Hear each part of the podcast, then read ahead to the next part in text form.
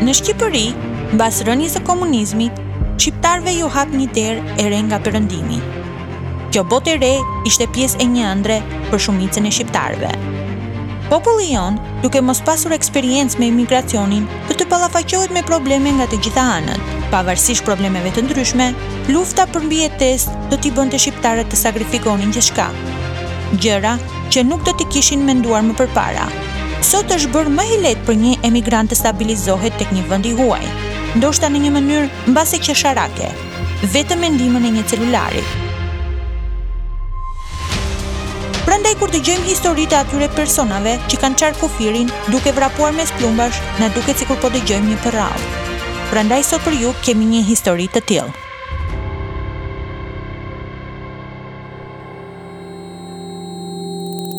Okej. Okay. Ju po dëgjoni? Diçka ndryshe. Kaloni dhe Ada. Përshëndetje gjithve. Kjo që do dëgjoni është historia e një nëntëmbëdhjetë vjeçari që ashtë largu nga Shqipëria Në vitet nëntëdhjetë, kur Shqipnia ishte akoma nën sistemin komunist, dhe ku personat që tentonin një gja të tillë, u qëllonin për vdekje pa asnjë paralajmërim. Gjatë viteve të regjimit komunist, populli shqiptar do të ndahet mes tyre nga ato që u quanin klasa. Ato klasa, megjithëse në teori ishin disa, Në praktikë ishin vetëm dy, ato që ishin pro regjimit dhe ato që ishin kundra tij. Dhe na si familje, siç i qute sistemi, na ishim familje e persekutume, vetëm e vetëm për shkakun se gjyshi jem kishte kenë oficer në kohën e Zogut. Gjithmonë kjo pjesë do shtypet nga sistemi, duke i lanë në fukarallëk dhe të shkatrrohen nga gjitha anët. Për ato, edukimi dhe puna e mirë do ishte realisht vetëm një iluzion.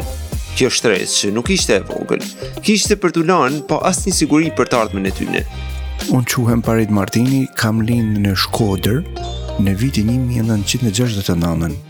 Pariti do të aratiset nga Shqipëria që në moshën 19 vjeçare, si çdo individ që i përkiste asaj shtrese, do të dallonte persekutimin nga sistemi që kur ishte i vogël. Maj mend rreth 13-14 vjeç gjithmonë prindët na kshilloshin që mos fol, sepse ishte e, domethanë qoftë se ti shprejshe një farë lloj paknaqësijet për sistemin, do të kishte pasoja gjithmonë. Përsa i përket asaj moshe, Ai konsiderohej minoren dhe nuk do kishte pasoja personale, por dënimet për çdo fjalë u transferoshin tek prindërit e tij. Siç e çunin ata edukata familjes edhe ishin muhabete që u nigjoshin edhe u influencoshin nga mrena. Dhe kjo do ta bante atë të ishte shumë i kujdeshëm me çdo njeri dhe siç thotë ai. Kam ken i rezervum për me shpreh mendimet e mia dhe i rezervum edhe për t'qenë i sinqertë me njerëzit përreth sepse ashtu ishte koha, ashtu ishte sistemi dhe ishte vështirë me i besu kujt. Ky mosbesim ishte tek çdo shqiptar që ka jetuar në kohën e komunizmit, pavarësisht klasës që i përkiste. Por për fëmijët e persekutuar do të ishte tepër më i theksuar, sepse dhe pasojat do të ishin më të rënda. Le të kujtojmë se mosavancimi i kësaj shtrese do të përdoret si shembull për pjesën tjetër të shoqërisë shqiptare, që kishte ndonjë pakënaqësi për sistemin, dhe Paridi kujton vitet e shkollës. Në fëmini nuk ka se kishe naj shans kushedi se çfarë, po prap e doshe dijen. Mirëpo, kur shikonte të afërmit e tij që ankonin se mësuesja ose mësuesi nuk i vendosnin notat e merituara, kishte një zhgënjim që nuk e bënte të mësonte më shumë. Atij edhe sot i kujtohet një rast me vajzën e xhaxhait të tij. Kishte arrit ajo mësuesja i kishte thënë, "Shiko, ti mëso sa dush, por rrugë ti ke të myllun." Ajo ishte ndër nxansat ma të mira në shkollën Jordan Misja në atë kohë. Kuptohet, ajo ia kishte thanë në konfidencë sepse edhe ajo njifte familjen tonë dhe ishte prej të njëjtës lagje. Ia kishte thanë me një farë keqardhje dhe unë aty kuptova që sado me mësu ishte e kotë. Histori të ngjashme e rrethonin atë si në familje dhe në shoqni, duke e ba që ta urrente ma shumë sistemin ku jetonte. Megjithëse na ishim rrit n'një familje patriotike dhe shpesh herë edhe në familje ishim eduku që me, me dasht atdheun, me dasht vendin, sepse po s'e respektove vedin, mos pretendo me të respektu i huj, edhe në vërtet, ashtu ndodhi me, me vitet njeriu vjen tu u pjek, kalon mosha e fminisë edhe arrin me kuptu që respekti fillon së parit nga vetvetja. Megjithëse ky parim do ta shoqnonte Paridin gjithë jetën. Në moshën 20 vjeçare, synimi i vetëm që ai kishte ishte të ikte tek një botë e lirë, të paktën në një vend ku do të jetonte pa paragjykime dhe jo i persekutuar nga regjimi. Por ai e dinte se ikja do të ishte një mision shumë i vështirë dhe për të bërë një gjë të tillë i duhej një plan dhe ai plan duhej të zbatohej shumë saktë. sepse pasojat do të ishin të rënda, ose ndryshe, rreziku ishte jetë a vdekje. Prandaj i kërkuam të na tregonte rrugëtimin e tij për aratisjen që bëri.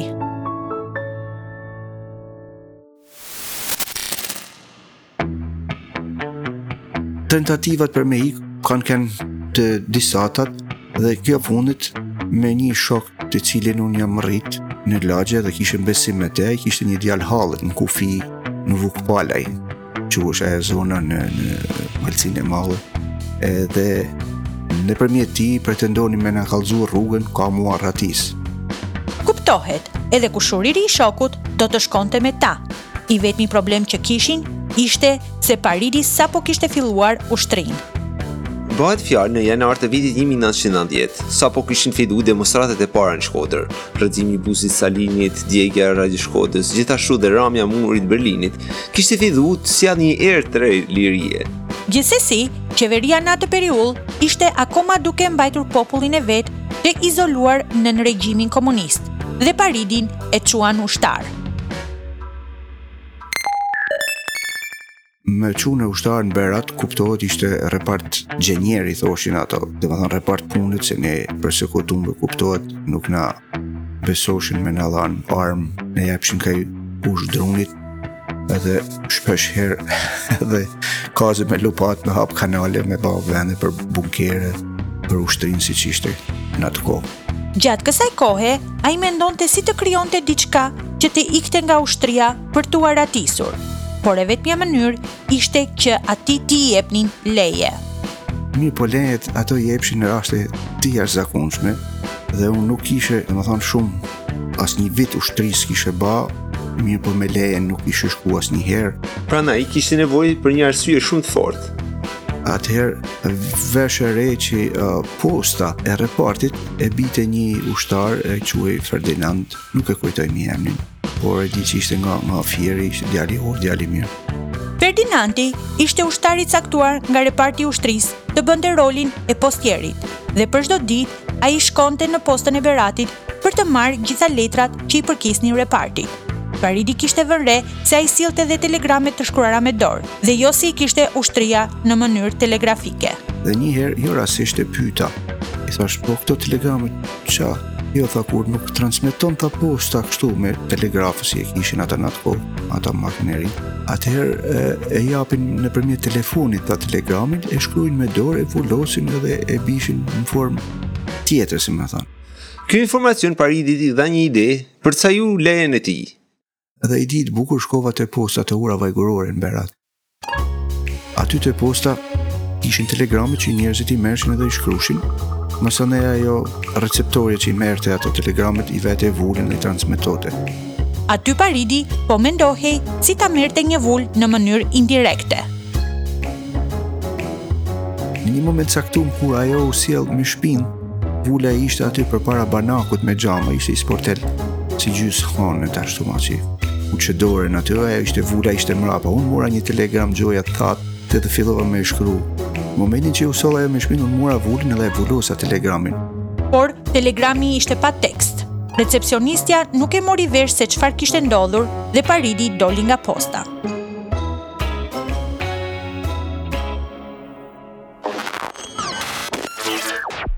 edhe pse e kishte këtë telegram bosh dhe të vulosun. Problemi ishte se duhej të shkruhej në një formë zyrtare. Në të njëjtën kohë duhej të ishte dhe i firmosur nga komandanti i Degës Ushtarake të qytetit të Shkodrës. Mirëpo, Për fat të mirë e maj mend edhe emnin e kryetarit Degës Ushtarake domethanë të korpusit në Shkodër ai quhej Sinan Rexhepi edhe sot e maj mend emnin e tij sepse kur erdha prej rruge që ishe me shok shkova në shpi thot ka letër po çfarë letre more kur e shikoj ishte fletëthirrje për ushtri edhe thote shefi Degës Ushtarake Shkodër Sinan Rexhepi dhe më ishte fiksu emni i tij.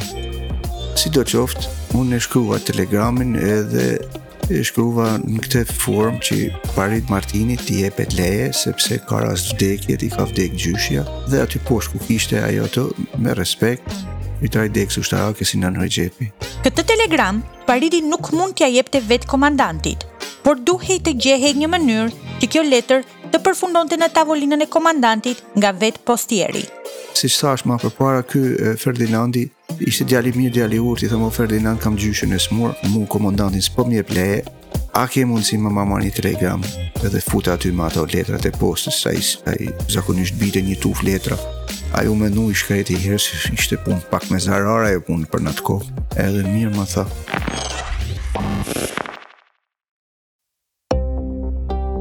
Të nesërmen herët n'mjes, komisari e thret Paridin n'zyrë, duke mos e ditë se si do shkonte takimi, mundohet të rri sa më i qetë, sikur s'kishte ndodh asgja.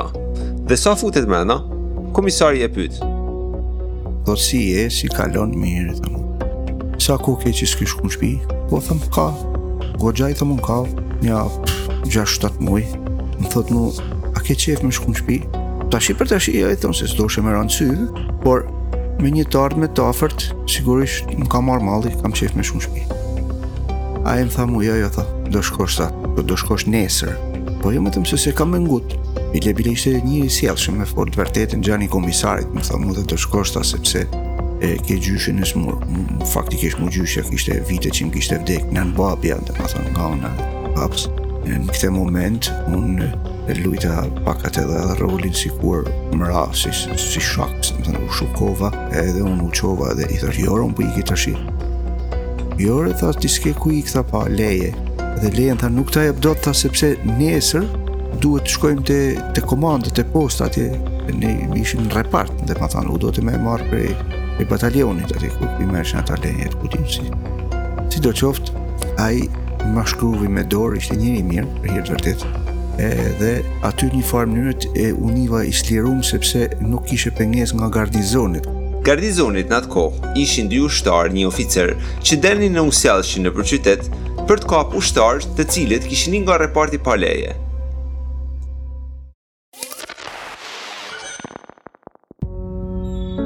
Mbasi e mori lejen e firmosur nga komisari, ai merr një makinë rasti dhe niset nga Ura Vajgurore për në Lushnje, ku i hip trenit dhe niset për Shkodër, dhe pastaj, sapo mbërri në Shkodër, takohet me të atin e tij.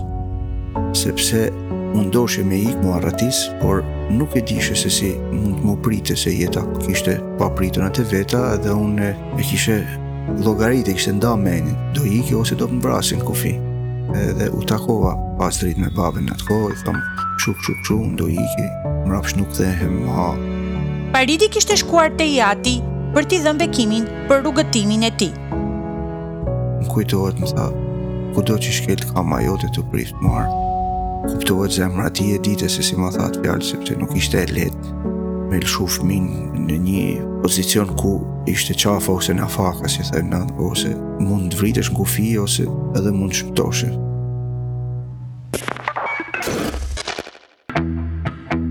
Pas lamtumirës me të atin, ai do shkojë me taku dy shokët e tij të ngushtë, Benin dhe Renaton, të cilëve i thotë se ikja duhet të bahet sot, dhe kështu i hypin autobusit të linjës Shkodër Bajzë.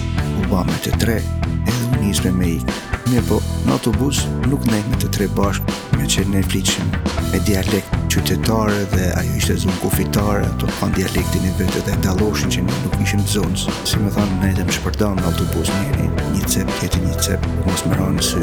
Ndalesa e tyre ishte në stacionin e fundit, i cili ishte Bajza e Kastratit. Udhëtimi kishte zgjatur disa orë, dhe rreth orës 6 të mbasdites ata do të zbresin. Ishte një ditë e ftohtë janari. dhe sapo kishte rënë nata. Gjithë pasagjerët dolën dhe mbas shpërndarjes së tyre, Paridi, Beni dhe Renato u bashkuan edhe një herë bashkë. Dhe aty ky shoku jem shkoi me taku djalin e hallës së tij aty në Vukpalaj. Ai besoj kishte ik dhe nuk ishte në shpi.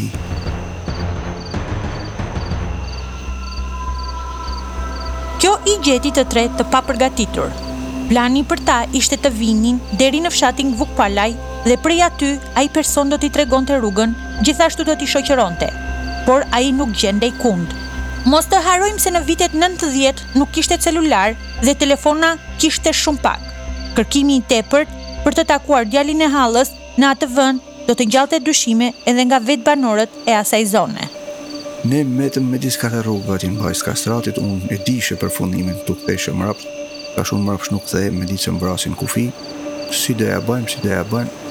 Në atë moment ra një qetësi nga të tre dhe nuk u dëgjonte asgjë, përveç tingujve të natës dhe zhurma e telave të tensionit të naltë, që ishin diku aty afër.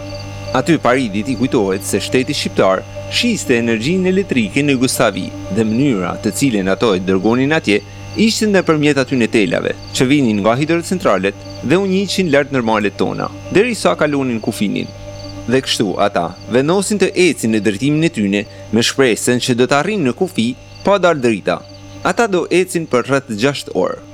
Prej në gjashtë mbasdite deri në një të natës, domethanë nga ora 12, 12 e gjysë të natës, ne kena ecë nëpër shkambij, vend pa vend, veç duke ndjek ato tela derisa na çunë në një farë zonet aty, i cili ishte dhe post kufitare. Po, ju si e kuptut që kishit arrit në kufi? Ishte një, e kujtoj si tash, ishte një, një, një patrullë me elektrik dore, ato ecshin po thona nja 2-300 metra, edhe bajshin mbrapa kthehu. Ishin dy patrulla, që domethanë, ato njana u niste nga krahu i djathtë, tjetra nga krahu i majtë, vishin u takoshin në një pikë, edhe masanej i sjellshin shpinën njeni-tjetrit, shkoshin bajshin të njëjtën rutinë, të njëjtin proces.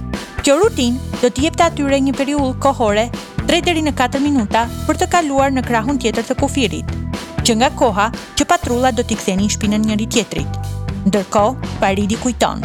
Kishe marrë dhe shishe rakiet me veti sepse ngaqë kishe një ushtar nga Baçli, që ka ken ushtar kufinit, më thote kur iku prej repartit e hedhi atë shishin e rakis për mos me nuk ha qeni. Dhe pse thoshe ushtari vrap, po unë vrap, po problemi qeni, qeni ishte ma shpejt se unë. Ushtari që i kishte tregu për rakinë, gjithashtu i kishte tregu se gardhi krijonte sinjal nëse telat u bashkoshin me njëri tjetrin dhe kishte vetëm një mënyrë për t'i kapërcy. Ai thote, ulem në gju në tokë, telin e parë që është rrafsh me tokë e kap dhe e tërheq nga veti. Të mesit i ve kamen dhe e shtyn nga brenda me fjalë. Dhe gjithashtu kapshe me dorë tjetër telin sipër tre tela ishin ato. U krijote një boshllëk sa me kalu një person. Mirëpo të njëjtën gjë do të më bëjë edhe personi tjetër nga nga nga mrenda që të kalote njëri në fund.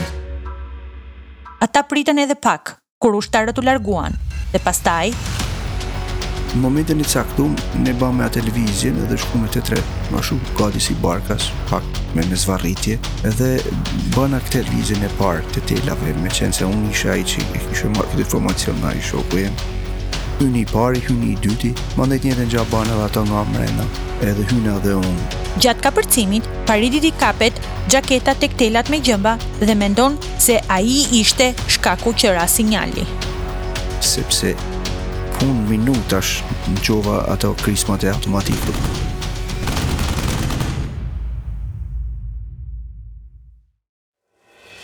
Në atë sekondë, ai do të përballet me një të papritur tjetër. Atë që unë nuk e dishe dhe ishe i papërgatitur ishte se sa dola nga teli, ajo ishte si, si, si ranishte, ishte tokë e butë si e si e mihme, edhe ajo ishte një distancë punë 2 metrash.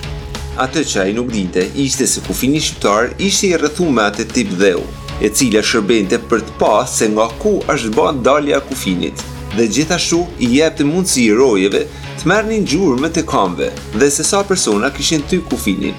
Kjo nuk ishte surpriza e fundit që ai do kishte. Fill mbas kalimit të kësaj toke të butë, ai do haset me një pengesë tjetër,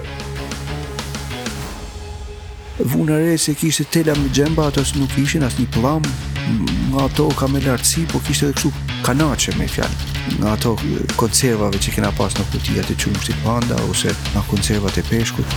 që ato ishin për efekt me barë zhurm, edhe ato ishin një një dy metra këtu të, të rreshtu me fill, mos brezit butë. Aty më kujtoj që kam hec me vrap, kuptohet edhe pak panik shishen e rakisë e kishin n'dorë t'e derdh se kishin frikën e qenit. Ndërkohë krismat e automatikut dëgjoheshin herë pas here, por ata vazhduan me vrapin e tyre. Kujtoj që ajo posta ishte në mes të malit, se i shikojsh ato dritat, edhe deri te posta e dishe që ashtë tokë shqiptare, mandej ishte baftë m'baft, nuk e dishim, po kishim gjithmonë frikën sepse kishim ndëgju që njerëzit kishin arrit me dal në tokën jugosllave dhe pa dashje nga padijenia ishin kthy po prap në tokë shqiptare, domethanë kishin ba një një rrethrrotullim. Të kujtojmë se kufiri ishte pjesë malore e thepisur me shkëmbinj. Ata kishin më shumë se gjysëm ore që nuk ishin ndal nga një vrapim i lodhshëm. Në gjysë të rrugës m'u mor fryma. Ndoshta edhe pak paniku dhe u lodha se ishin ishte shkam. Aty kujtoj që i thashë atij shokut tem që kisha afër Renato, Renato Pistos. I them që uh, kalo ti se unë du me pushu pak. Në atë moment Renato, jo, I thotë se s'kena ba gjithë këtë rrugë për me lanë njeni-tjetrin vetë. Dhe i kap dorën, ia ven te rrypi i pantallonave t'tij, dhe i thotë që të mbahet aty për ta tërhekë. E tha hec, hec, hec, do ta çajmë bashkë, si me thanë. Aq u desht punë 30 sekonda, që në maksimumi, dhe aty unë kuptohet heca me ritmin e tyne. Dhe kështu, ata do ecin për rreth 5 orë. derisa kuptuan që ishin në Jugosllavi.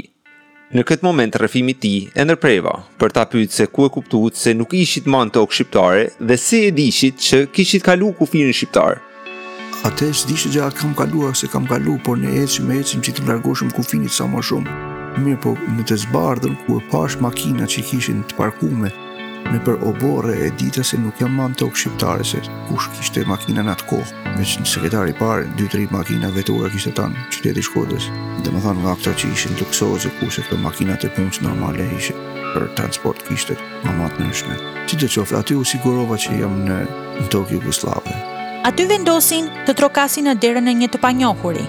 Megjithëse tani ishin në një territor të huaj, Ata e dinin që ai vend ka qenë gjithmonë tokë shqiptare, e rrethuar me shqiptarë.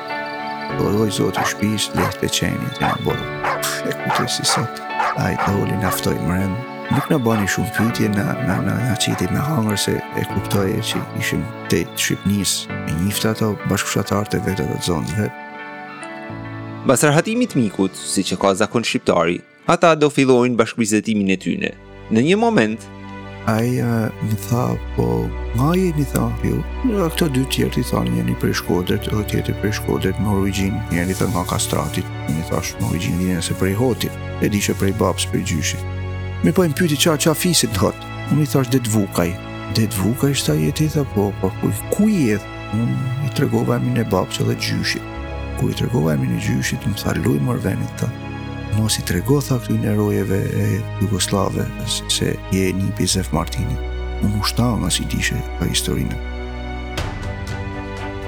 Ndër të tjera, ai i tregon se kjo pjesë e Hotit, ku ata ndodheshin, ishte djeg dy herë nga luftimet, dhe se gjyshi i tij, Zefi, bashkë me të vëllanë Mark Martini, kishin luftuar kundër serbo-malazezëve në mbrojtjen e Hotit.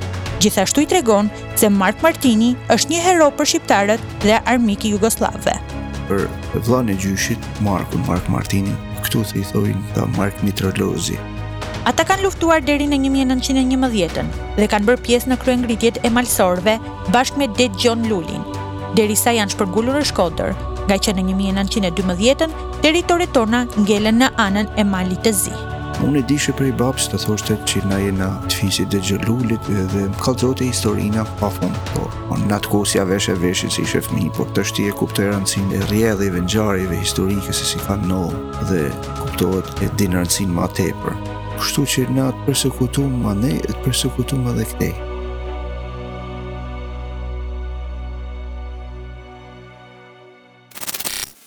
I zoti i shpisë ndër tjera, i tregon se te kjo zonë ai kishte të afërm, që ishin nga i njëjti fis, dhe ngaqë atë ditë ishte e diel dhe ato do shkonin në kishë, do mundohen të kontaktonin me ta. Unë nuk e dishe se kam njerëz atje, por ato i bashin lidhjen simas fisit e ku di unë se si. Shkoi e atje kishte takuar te njerëz të fisit tem, për hir të vërtetës ata erdhën, morën, Peshi i thoshin ato, po Presh më duket e kishte emni, ishte kushrini joni, a, baba, në dy, tre brez, Mas nejtjes një copë herë me kushrinin e tij, kushrini i thotë se duhet shkojnë të plotsojnë disa dokumenta dhe formularë për ardhjen e tyne aty.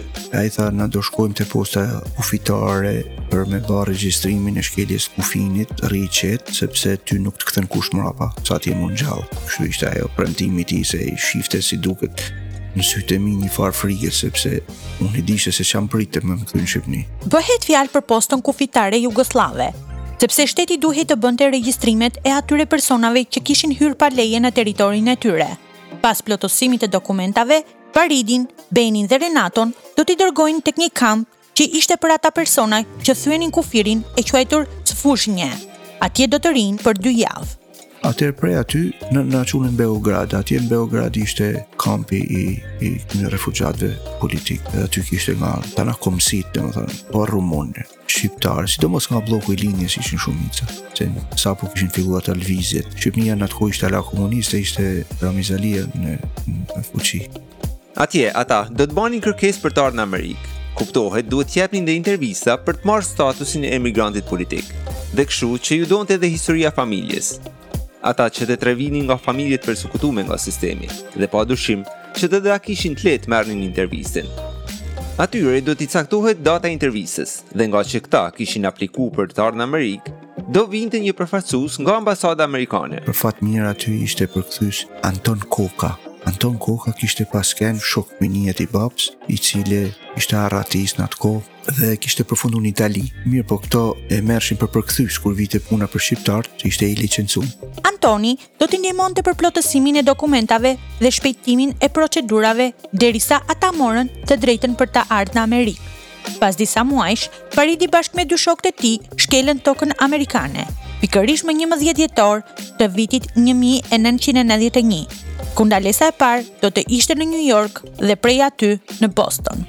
Të dy shokt e mi njeni prej tyne, po gjithashtu erdhi me mu, se ai s'kishte njerëz këtu, kurse ai shoku jem tjetri kishte dajen në New York, ai nejti atje te, te daja i vet njerëzt e vet. Sot, që të tre janë stabilizu dhe bajn një jetë relativisht të mirë në Amerikë, por intervista jeme me Paridin nuk maron këtu. Gjatë intervistës e pyta, si ishte njenja kur kalove kufinin shqiptar dhe hyne në Jugosllavi. Në momentin që jam arratis, e kam dalë në tokë jugosllave, nuk e di. Kishe një një një një njesi shumë të të të keqe. Nuk e di m'u dhim vendi jem. Nuk u gëzova shumë. M'u kujtu nana, baba, vllaznit që kishe lanë në Shqipni. Edhe një farë mënyret u niva fajtor sepse e kuptova që këto njerëz nuk do t'i shof ma. Ishte shumë e ranë, u nda për së gjallit. Shumë e ranë. Paridi ndër të tjera tregon se në atë kohë shteti shqiptar i quante tradhtarë të atdheut, ata persona që ishin arratisur. Në të vërtetë ne nuk kishim luftë me të tjerët, ne kishim luftën brenda nesh. Aty kishe kujtimet e fëminisë, aty ishe rritë, aty kishe shokt, aty kishe lagjen, njerëzit e zemrës e ke parasysh edhe Nuk ishte e lehtë kur mendon që ban një shkëputje fizike edhe menore dhe thu u do të me me me, me shly të kalumen, memorjen, u do të me fillu prej aty, po mirëpo 20 vjeç, 21 vjeç sa isha unë me fillu prej fillimit, pa çfarë lloj memorie ishte ishte shumë e randë, sepse njeriu jeton gjithmonë nëpërmjet kujtimeve. Tash mas 32 vjetëve, a t'duket vedi si i bamë ma Amerikan? Jo, shiko, dheu i huj është dhe i huj. Sado i mirë që të jetë, sado arritje, suksese që të kesh në jetë, unë flas për vedi se si nihem për vedi, edhe pse kanë kalu 30 e kusur, domethanë vite prap e kujtoj me nostalgji vendin tem, kam shku dhe jam mundu me shku të paktin për çdo 2-3 vjet. Edhe është interesant fakti se si t'tërhek si magnet vetëm vendi jot. Nuk mundesh me e ba divorc domethanë që unë e rren vedin, nuk mundesh me thanë që unë jam ba Amerikan. Megjithëse kam ma shumë vite në Amerikë se sa në Shqipëni, unë prap jo vetëm që e kujtoj me nostalgji, por ndoshta asht, asht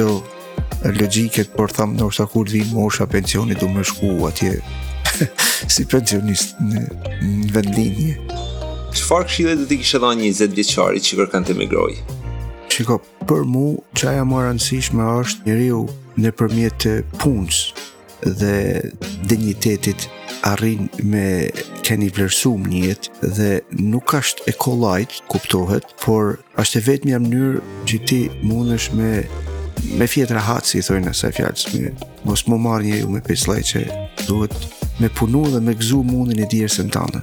Në qoftë se ti ke këto parime n'jetë, gjithmonë Ki me kenë i suksesshëm.